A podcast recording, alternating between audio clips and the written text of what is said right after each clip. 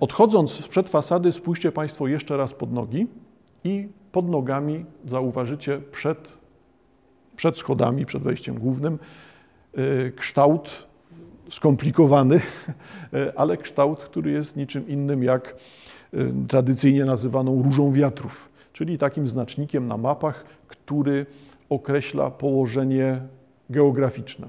I teraz y, możemy umysłowić sobie ciekawą sprawę.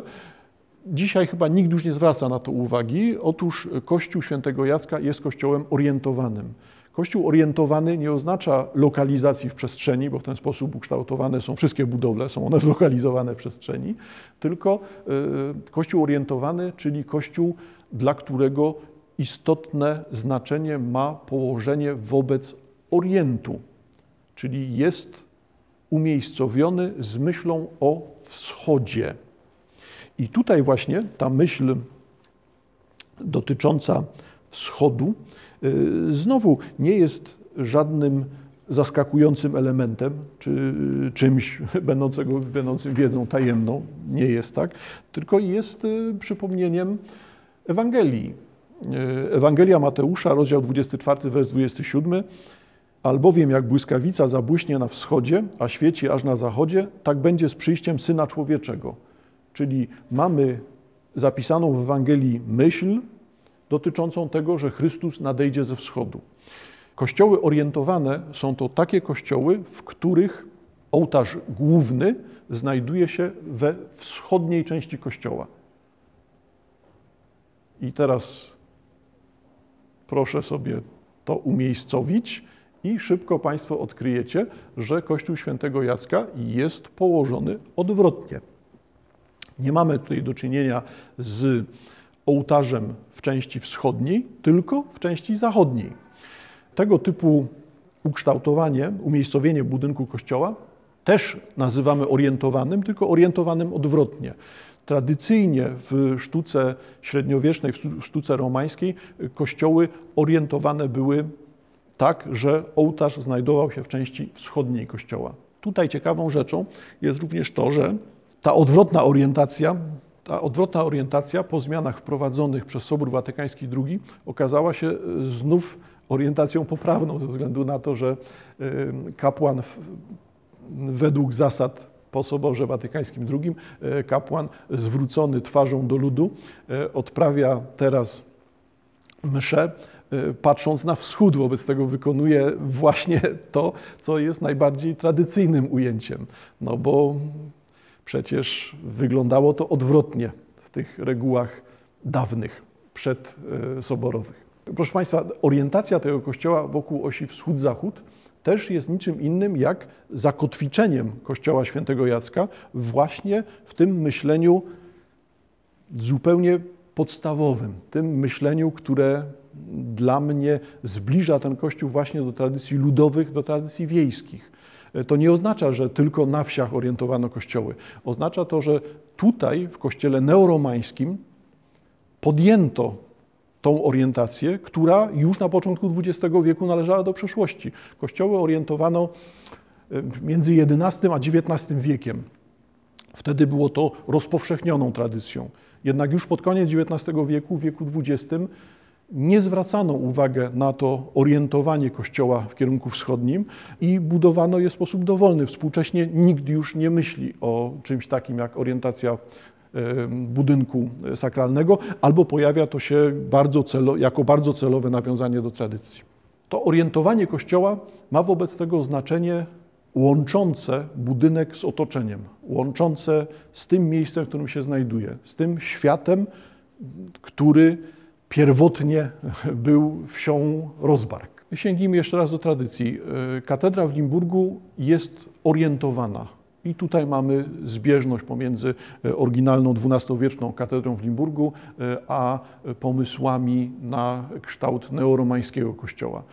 Natomiast kościół w Genrode to kościół mający swój początek w X wieku i jest to kościół już posiadający podobnie orientację odwrotną, więc to nie jest w żaden sposób zakłóceniem e, założeń sztuki romańskiej, tylko jest podjęciem jednej z tradycji.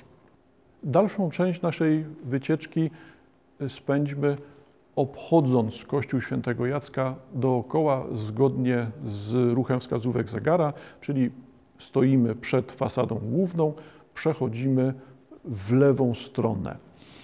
Zobaczycie Państwo podest, który umożliwia wejście do kościoła poprzez drzwi znajdujące się w transepcie.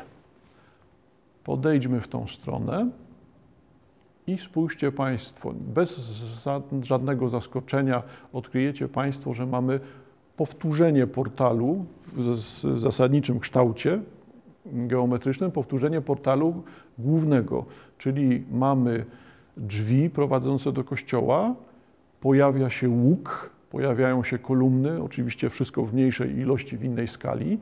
E, samo zdobienie, które znajdowało się pod tymi łukami w wejściu głównym, tutaj zostało przesunięte do części wieńczącej, wieńczącej to wejście, czyli mamy ten trójkątny daszek i widzimy tam formy płaskorzeźbione i widzimy towarzyszący im tekst. Czyli spójrzcie Państwo na drzwi, spróbujcie Państwo odczytać tekst, który tam się znajduje. Tekst w dwóch kolumnach. Czytamy kolumnę lewą, kolumnę prawą i widzimy ex audi domine orationem meam. W tłumaczeniu na język polski modlitwę moją racz wysłuchać Panie, musimy zmienić trzech wyrazów. Mamy wezwanie modlitewne oczywiste, niczego nam to nie komplikuje. Jesteśmy, patrzymy na budynek kościelny. Oczywiste jest tutaj wezwanie do Boga, wezwanie do Boga z prośbą o wysłuchanie naszych modlitw. Tak, ale interesuje nas to, co już widzieliśmy, a to, co w, tym, w tej płaskorzeźbie znowu jest ciekawym łączeniem tego, co romańskie, tego, co podjęciem jest tradycji europejskiej i tego, co stanowi o tradycji lokalnej. E, spójrzcie Państwo, widzicie Państwo dwie postacie konne, dwie postacie konne, szereg geometrycznych, nawiązujących znowu do tradycji liście akantu, e, no ale elementów geometrycznych kojarzących nam się z naturą, z przyrodą, z otoczeniem. Dwie tarcze słoneczne, które znajdują się za plecami jeźdźców i dwóch jeźdźców wpatrzonych w siebie. Dla kultury ludowej, dla kultury, która zdaje się poprzedzać jeszcze czasy chrześcijańskie i tutaj bardzo trudno jest ustalić zależności pomiędzy tymi dwoma kulturami, tymi dwoma pomysłami, widzimy tutaj świadomość życia w świecie przyrody, świadomość oparcia człowieka w rzeczywistości codziennej, w rzeczywistości materialnej, rzeczywistości, która jest rozumiana w tradycji ludowej jako świat zbudowany na przeciwieństwach, świat zbudowany na opozycjach. Ci dwaj jeźdźcy wpatrzeni w siebie, oczywiście, że mogą być przez nas rozumiani w sposób zgodny z opowieściami lokalnymi. Czyli patrzymy na co? Na przykład na istniejące do dzisiejszego dnia w innych częściach Polski istniejące tradycje procesji konnych, czyli ludność wsi w czasie procesji uczestniczy w tych procesjach nie e, pieszo, tylko część z tych ludzi uczestniczy w tych procesjach konno. E, taki sposób świętowania, taki sposób zachowania podkreślającego rangę mm, wydarzenia e, jest no, oczywistością, jest praktykowany do dzisiejszego dnia.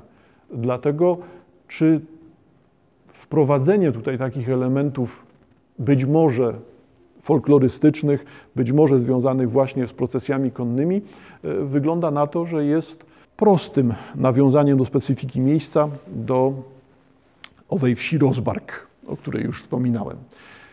Ale popatrzcie Państwo na to ponownie. To nie jest tak proste odwołanie. Widzimy w całym, całym, w całej tej ozdobie wejścia bocznego, że pojawiają się kształty krzyży. Dla nas też to są kształty oczywiste, jak myślę, no bo jesteśmy w budynku kościoła, więc dlaczego tutaj nie ma być krzyży? Tak, tylko tyle, że krzyże, które Państwo tutaj widzicie, spójrzcie Państwo na krzyże układające się znowu w trójkąt, albo krzyże powtarzające trójkąt, który widzimy już w, w ukształtowaniu tej płaskorzeźby, to są krzyże specyficzne, to są krzyże solarne, czyli równoramienny krzyż z opisanym okręgiem na tym krzyżu. I teraz czytelne powinno stawać się wprowadzenie tych elementów tarcz słonecznych e, w samej płaskorzeźbie, czyli krzyż, który dominuje, trzykrotnie powtórzony, ale spójrzcie Państwo na to, że pojawiają się te elementy solarne w samej płaskorzeźbie, czyli i krzyż, i solarność. I tak rozumiany znak tego krzyża solarnego jest niczym innym jak właśnie poważnym ukłonem, nawiązaniem, przypomnieniem o tradycjach ludowych. Krzyże solarne nie są znakiem chrześcijańskim, są czymś, co istnieje od bardzo, bardzo dawna i nie ma swojej genezy w chrześcijaństwie. E, czym wobec tego jest krzyż solarny? Jest wpisaniem porządku w świat, jest pomysłem na to, że żyjemy od narodzin do śmierci, żyjemy w świecie cykli, żyjemy w świecie e, od e, wiosny do wiosny, żyjemy w świecie od wschodu słońca do zachodu słońca. Wobec tego to jest owa cykliczność, która tutaj powraca, ale jednocześnie ten świat ma swój środek, ma swoje zasady, ma swoje normy, swój porządek i jest oparty na niezmiennych, doskonałych bóstwach, bytach, istotach. I wracamy do religijnego pomysłu na świat, ale pomysłu niechrześcijańskiego. Stąd ta dominacja krzyża solarnego, ponieważ podejmowany on, obecny on był na dużą skalę e, pośród Celtów, no to bardzo często wprowadza się tutaj nazwę krzyża celtyckiego. E, znaki tego typu są starsze niż chrześcijaństwo, co nie oznacza, że są sprzeczne z chrześcijaństwem. One zostały przez chrześcijaństwo podjęte, wykorzystane uwypuklone, wprowadzone w ten system znaków, który towarzyszy chrześcijaństwu i są tak mocno oswojone, że raczej nie widać ich przedchrześcijańskości. E, ale warto ją podkreślać, bo właśnie ten zespół znaków, który widzimy e, nad tym wejściem bocznym, e, przypomina nam o czymś, co jest tutaj jeszcze jakimś pomysłem na świat, jeszcze tą pierwotnością miejsca, tego, że jest to chrześcijaństwo, które pojawia się w świecie wiejskim, więc w świecie właśnie ludowym, podstawowym, pierwotnym, a może i trochę dalej idźmy, czyli to nie jest świat chrześcijański, wobec tego to jest świat innych wierzeń, a w tych innych wierzeniach będziemy widzieli również elementy magiczne. I teraz, proszę Państwa, myślę, że przejdźmy sobie w wolnym tempie w dół, czyli poruszamy się wzdłuż bocznej ściany kościoła. Najłatwiej będzie stanąć nam na parkingu znajdującym się za plebanią i spójrzmy na, na, na boczną część kościoła. Widzimy tutaj zakończenia transeptu, rozwiązania w zakończeniach transeptu, czyli też widzimy ten trójkąt, potrójny układ okien, E, rozetę, rozetę otoczoną z zespołem trójkątów, szereg okien znajdujących się pod tą rozetą, e, czyli mamy rozwiązania myśli, treści, które widzieliśmy w fasadzie kościoła. Zwracam Państwu uwagę natomiast na to, co jest tutaj zabiegiem dla mnie interesującym i wspólnym dla całego budynku, zarówno zewnątrz, jak i wewnątrz. Spójrzcie Państwo uwagę, zwróćcie Państwo uwagę na to zdobienie w postaci tego szeregu trójkątów. Będziemy mieli do czynienia albo z trójkątem w górę, albo w dół, znajdującym się hmm, w połowie wysokości nawy bocznej, czyli element architektoniczny zdobiący nam część pod oknami nawy bocznej. Widzimy charakterystyczny pas trójkątów. E, o tym układzie trójkątów i kierowania uwagi w górę i w dół już wspominałem i on rzeczywiście tutaj też się znajduje. Ale to nie będzie wszystko. Ze względu na to, że właśnie tutaj odkryjemy jeszcze raz ciągłość tego sposobu myślenia innego, tego, tej obecności w konstrukcji architektonicznej sposobu myślenia ludowego, wiejskiego. Pas, który tutaj widzimy, jest rodzajem zazębiania się elementów, łączenia elementów, powiedziałbym inaczej, splatania elementów. I teraz Państwo popatrzcie na całość fasady. Jak często tutaj widzimy tego typu próby splatania, łączenia, przechodzenia kształtów jednych w drugie. E, zarówno w konstrukcji wież, gdzie widzimy też takie elementy ozdobne, e, jak i w drobnych elementach pod parapetami e, na wieżach, elementy mm, tych ozdobnych belek, które pojawiają się pod płaszczyzną dachu, tak, elementy, które znajdują się nad rozetą w nawie bocznej, zawierają ten sam pomysł. To są elementy podwójne. To są elementy, które się łączą, zazębiają, splatają, otaczają. I teraz te elementy wszystkie będą dla nas miały tutaj znaczenie estetyczne i możemy postawić kropkę. Ale poszedłbym trochę dalej. Popatrzcie Państwo na to w inny sposób. To jest zespół elementów mających funkcję magiczną, typową dla kultury ludowej funkcję magiczną co jest ochroną przed złem, co jest umocnieniem, co jest co pozwala nam na otoczenie się bezpieczną przestrzenią. Właśnie wykonanie rzeczy, które są splataniem.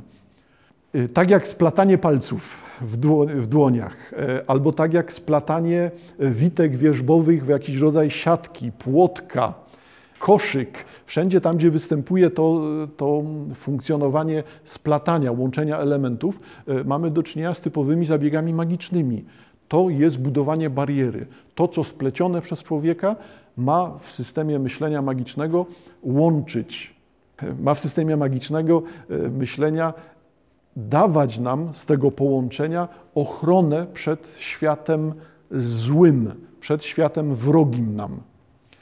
I dlatego ciekawe będzie również przeniesienie tej samej uwagi do wnętrza kościoła, gdzie tego typu zabieg robiony jest na bardzo dużą skalę.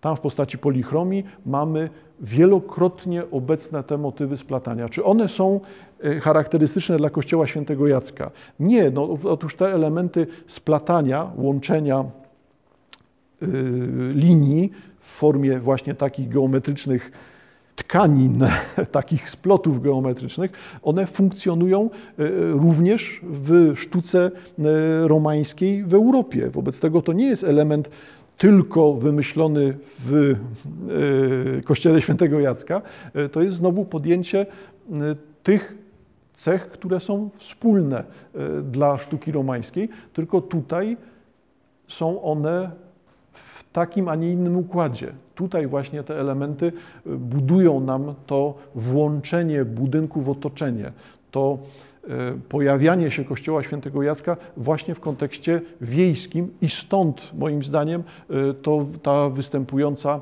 magiczność w systemie zdobień, który widzimy zarówno na zewnątrz, jak i wewnątrz Kościoła. Co natomiast znowu jest tutaj pierwotnym założeniem? Czytanie wszystkich tych znaków, które będą nam się narzucały, czyli Kościół jest odzwierciedleniem ochrony, której Bóg udziela swoim wiernym. Czyli typowe dla sztuki romańskiej jest wprowadzenie tutaj takich okien, które sprawiają, że dominuje płaszczyzna ścian. Mam na myśli wszystkie te wąskie okienka, które widzimy w wieżach E, kościoła, ale zwróćcie Państwo uwagę na to, że to będzie wyglądało też podobnie w całym budynku. Nawet jeżeli te okna czasami są duże, to one dalej nie sprawiają, że ginie nam kamień. Nie sprawiają tego, że ten budynek dalej, zgodnie z ze stylem romańskim, postrzegamy jako twierdzę, jako budynek, który ma chronić, ma dawać opiekę, ma budować ma odgradzać e, ludzi wierzących od e, złego świata doczesnego. Stąd wprowadzanie takich właśnie okienek, które właśnie kojarzymy przede wszystkim z kształtem strzelnic. Proszę zobaczyć, że one są tutaj widoczne. E, czyli budynek kamienny, monumentalny, silny, mający dawać przekonanie o opiece Bożej. Tak, ale dalej. Spójrzcie Państwo, znowu będą dla nas miały te liczby znaczenie.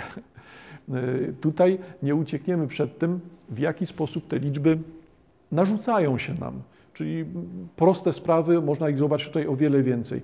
Proszę zauważyć okna na, w nawie bocznej, te największe e, okna, które widzimy, największe pionowe, może tak powiem, e, to są e, okna w ilości 5. Ta ilość jest powtórzona w rozetach, przynajmniej z tego punktu widzenia, powtórzona w rozetach znajdujących się powyżej w ścianie już nawy głównej. W takim razie patrzymy na piątki. Spójrzcie Państwo na rozetę w nawie bocznej i widzimy tam 10 płatków. Mamy układ trójek, o którym wspominaliśmy. Dociekliwi z Państwa odkryją też układ szóstek i dwunastek. Jak przyjrzymy się dokładnie układom e, okien bądź ciągom zdobień, e, okaże się, że Kościół świętego Jacka jest właśnie ilustracją rozumienia liczb w tradycji E, judeo-chrześcijańskiej, bo to nie jest tylko tak, że, że chrześcijanie zwracają uwagę na liczby. Nie, no tego typu znaczenia pojawiały się w tradycji żydowskiej wcześniej. Chrześcijanie w ogromnej części przejęli te znaczenia. Mm, korzystając z podstawowego wierszyka, które, e, który towarzyszy e, dzieciom żydowskim, e, polegającym, wierszyka polegającego na wyjaśnianiu właśnie znaczeń liczb, rozpoczynającego się od sformułowania kto wie, co to jest jeden. I, I, dziecko kontynuuje ten wierszyk. Ja wiem, co to jest jeden. Jeden jest Bóg na niebie i ziemi. Wobec tego, kto wie, co to jest dwa? Ja wiem, co to jest dwa, dwie tablice przymierza, jeden Bóg na ziemi i niebie. I w ten sposób e, wszystkie te znaczenia liczb są do siebie dodawane, bo widzieliśmy, jeden jest Bóg, a teraz mamy dwie tablice przymierza i jeden Bóg. I to ostatecznie e, zamyka ten wierszyk e, wyliczeniem. I to wyliczenie zawiera w sobie takie podstawowe, no, zupełnie no, pewnie banalne po prostu e, znaczenia, które w tradycji judaistycznej e, przypisywane są liczbą. Czyli 13, e, 13 atrybutów Boga, 12 plemion Izraela, 11 gwiazd, które przyśniły się Józefowi, dziesięcioro przykazań, dziewięć miesięcy ciąży, ósmego dnia obrzezanie, siedem dni tygodnia, sześć ksiąg Miszny, pięć ksiąg Tory, cztery pramatki, Sara, Rebeka, Lea, Rachela, trzech praojców, Abraham, Izaak i Jakub, dwie tablice przymierza, jeden Bóg na niebie i ziemi. I w ten sposób, patrząc na Kościół świętego Jacka, widzimy podjęcie tej samej tradycji, ponieważ chrześcijanie podejmują tradycję żydowską, modyfikują tradycję żydowską, dopisując tutaj e, swoje znaczenia, bo szukając tych znaczeń liczb, i teraz po stronie widza jest odnalezienie tych układów liczb, które e, znajdują się w bryle Kościoła Świętego Jacka, e, to oczywiste będzie to, że e, z, ze znaczeniem cyfry 1 nie będziemy mieli kłopotu, tak? ponieważ jedynka będzie odwołaniem, odesłaniem, wskazaniem do jedynego Boga. Ale dwójka już będzie dla nas, chrześcijan, przypomnieniem tego, czym jest natura Chrystusa. Natura, która jest boska i ludzka. I to już, jak widać, jest właśnie modyfikacją e, tradycji żydowskiej, wprowadzaniem nowych znaczeń. Trójka, sam przywoływałem wcześniej, będzie odnosiła się w tym kręgu znaczeń do Trójcy Świętej. Mamy też wiarę, nadzieja, miłość jako trzy cnoty chrześcijańskie. Mamy trzy dobre uczynki, modlitwa, post, jałmużna. Mamy trzy rady ewangeliczne, czystość, ubóstwo, posłuszeństwo. Chrystusa powitali trzej królowie przynajmniej zgodnie z tradycją, tak? no to e, widzimy, że te ciągi liczbowe będą się dla nas znowu układały w znaczenia. Mamy czterech ewangelistów, mamy cztery cnoty kardynalne, ale jednocześnie od, jeszcze raz wróćmy do tej róży wiatrów przed fasadą. E, ta róża wiatrów pokazuje nam między innymi naszą obecność w świecie doczesnym. Wobec tego tutaj czwórka będzie też przypomnieniem o świecie doczesnym, o tym świecie południa, północy, wschodu, wschodu, zachodu.